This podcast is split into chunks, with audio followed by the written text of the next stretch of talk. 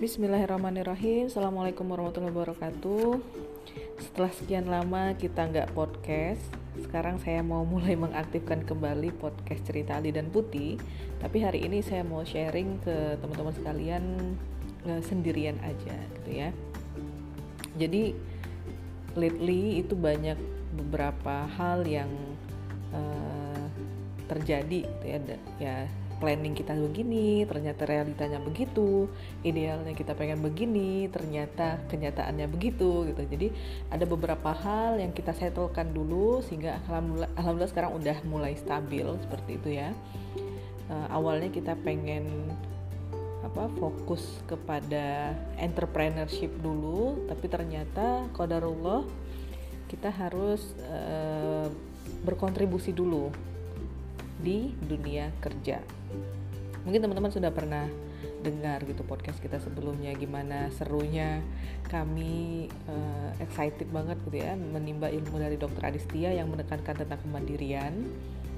Ya, mandiri itu pada dasarnya seperti di salah satu podcast yang pernah suami saya juga sharing gitu ya kalau tentang seruan bekerja gitu jadi mandiri itu ada dua. Satu kita mandiri dari meminta-minta yaitu bisa jadi dengan bekerja. Atau yang kedua kita mandiri dari betul-betul bergantung tanda kutip ya dengan manusia. Benar-benar tidak bekerja dengan orang lain tapi eh, self employed atau bahkan mempekerjakan orang lain. Ya punya bisnis sendiri lah seperti itu.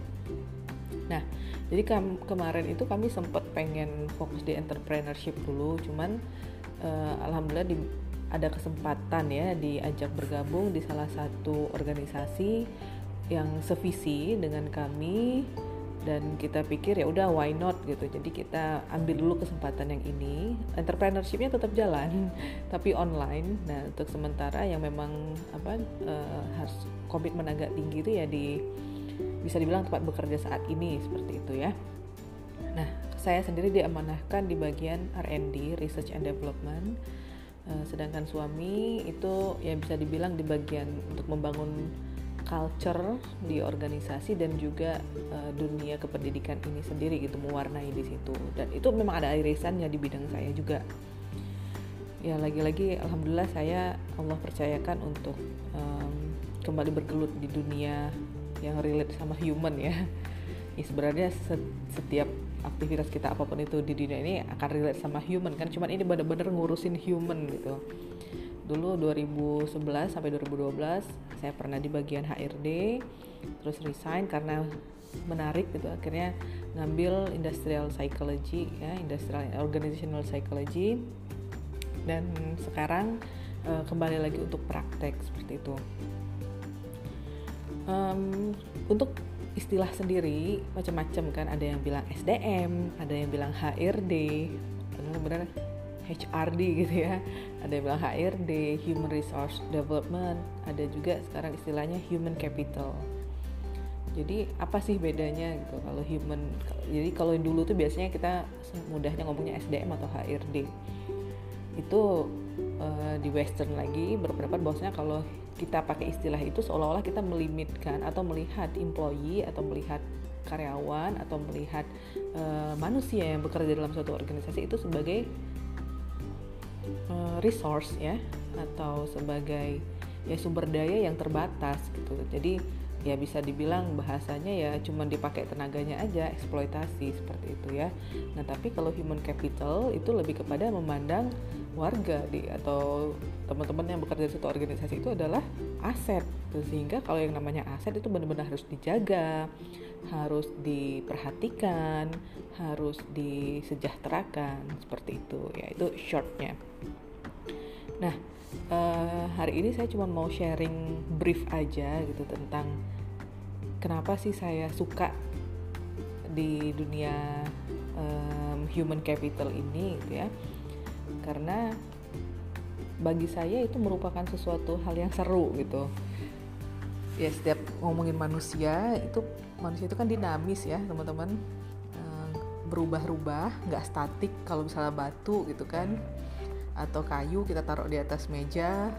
Selagi tidak dirubah dia nggak akan ke mana-mana. Ya di situ aja kecuali ada gempa atau mungkin ada kucing yang apa menggesernya gitu ya. Tapi dia akan statik gitu. Nah sedangkan manusia itu tidak.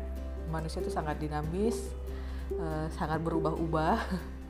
Ya kita sendiri aja gitu kan. Bahkan Rasulullah tuh juga bilang manusia itu hati manusia itu seperti air panas gitu. Yang sangat berubah gitu kan. Air panas tuh kan mendidih itu kayak mana tuh? Um, apa namanya? Berputar-putar gitu ya. Kalau air yang kita masak mendidih itu kan ya mungkin itulah hati. Sangat cepat exchange-nya berubahnya gitu ya.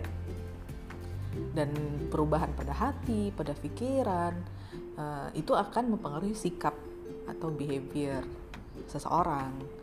Nah makanya kalau yang namanya suatu organisasi itu ya yang menantangnya itu sebetulnya terkadang bukan di sistem IT atau membangun sistem uh, manajemen gitu ya. Tapi yang menantang itu adalah bagaimana sistem itu berjalan atau dijalankan oleh humannya ini oleh manusianya ini gitu. Ya karena orang macam-macam gitu kan. Ada yang nggak mau menjalankan ada yang ya, resisten gitu bahkan refuge atau menolak seperti itu ya. Nah uh, di satu sisi saya tuh seneng ya seru gitu menjumpai masalah-masalah itu gitu ya. Ya pasti pusing itu pastilah ada ya. Tapi uh, di sisi lain saya senangnya ya mudah-mudahan gitu. Apalagi misalnya satu organisasi itu punya visi yang sama dengan kita mudah-mudahan kontribusi sedikit kita di situ ya bisa menjadi amal jariah kita. Karena kita kan pastinya pengen perbaikan kan dan kebaikan untuk semua. Nah, jadi simpelnya HRD atau SDM atau Human Capital atau ya saya sekarang bergerak di bidang research and development ya untuk organisasi ini juga kan itu merupakan uh, bridge ya atau jembatan gitu. Antara uh, top level management atau pimpinan dan juga uh, teman-teman yang bekerja gitu, di lapangan seperti itu. Atau yang menjalankan ya. Jadi kita harus mempertimbangkan keduanya nih atasan maunya A B C D. Uh, terus employee misalnya atau teman-teman yang bekerja di lapangan ngomongnya gini gini gini di lapangan tuh nggak semudah itu misalnya. Nah kita harus menyatukan itu gimana bisa ketemu uh, dua-duanya bisa legowo untuk oke okay, kita jalanin ya kita sepakatin ya gitu. Nah dan itu perlu apa ya the art of ya manajemen gitu karena lagi-lagi uh, orang yang kita ajak bekerja ini punya background yang berbeda, karakter yang berbeda, pendidikan yang berbeda, belief atau uh, kepercayaan yang berbeda, value yang berbeda seperti itu. Nah, maka itulah fungsinya. Salah satunya di organisasi itu harus punya core values juga. Jadi yang disepakati bersama yang diamalkan bersama dari semua level di organisasi sehingga kita ada acuannya. Memang Quran dan Sunnah sudah pasti menjadi acuan kita tapi itu bisa kita tuangkan dalam bentuk uh, mungkin values yang ada di suatu organisasi. Seperti itu. Nah tantangannya apa ya? Seperti yang udah saya jelaskan di awal tadi gitu ya tantangannya ya memang kita bekerja dengan orang gitu. Sehingga apa benar-benar harus terus kita tingkatkan kapasitas diri, skill komunikasi gitu ya dan harus perluas wawasan juga, insight gitu sehingga uh, bisa mengakomodir semua kepentingan. Seperti itu tanpa uh, ada yang merasa dizolimi. Nah itu jadi lumayan agak tough ya mempertimbangkan semuanya. Jadi itu tantangannya dan yang paling besar ya kalau dari segi development sendiri kan itu kan relate. Kalau yang saya belajar dulu OCD namanya bukan obsessive compulsive disorder ya. Tapi organization change and development gitu. Jadi memang salah satu yang paling menantang di change and development ini adalah uh, kita akan suatu perubahan itu akan menyinggung status quo. Status quo itu apa yang sudah terjadi gitu di suatu organisasi. Misalkan dia nyaman dengan culture yang lama, nyaman dengan sistem yang lama, terus ujuk-ujuk kita menawarkan hal yang baru ya bagi mereka mungkin gitu ya. Dan nah, itu mereka biasanya akan resisten tuh atau bisa jadi itu tadi refuge menolak. Makanya pentingnya untuk kita mengkomunikasikan why we change, why we develop untuk kebaikan bersama gitu kan. Nah, ketika kita sudah mengkomunikasikan ya insya Allah mudah-mudahan bisa disepakati dan diamalkan bersama. Ya sebenarnya organisasi itu kayak rumah tangga juga gitu ya. Kalau misalkan uh, antara suami istri itu cuma dipendem dipendem aja nggak dikomunikasiin kemauannya itu kan bisa jadi bumerang tersendiri. Kalau misalkan ternyata pasangannya tidak menerima ya beda halnya kalau misalnya pasangannya ikhlas-ikhlas aja menerima legowo redo gitu kan. Nah cuman kalau nggak nerima ya itu um, suatu saat memang akan jadi bumerang. Bumerangnya ya mungkin uh, dengan sikapnya atau mungkin dengan actionnya yang menyakitkan gitu. Begitu pula dengan di organisasi. Misalnya uh, atasan pengennya ya tadi ABCD gitu ya bawaannya iya iya aja kayak padahal sebenarnya nggak suka gitu tapi nggak menyuarakan.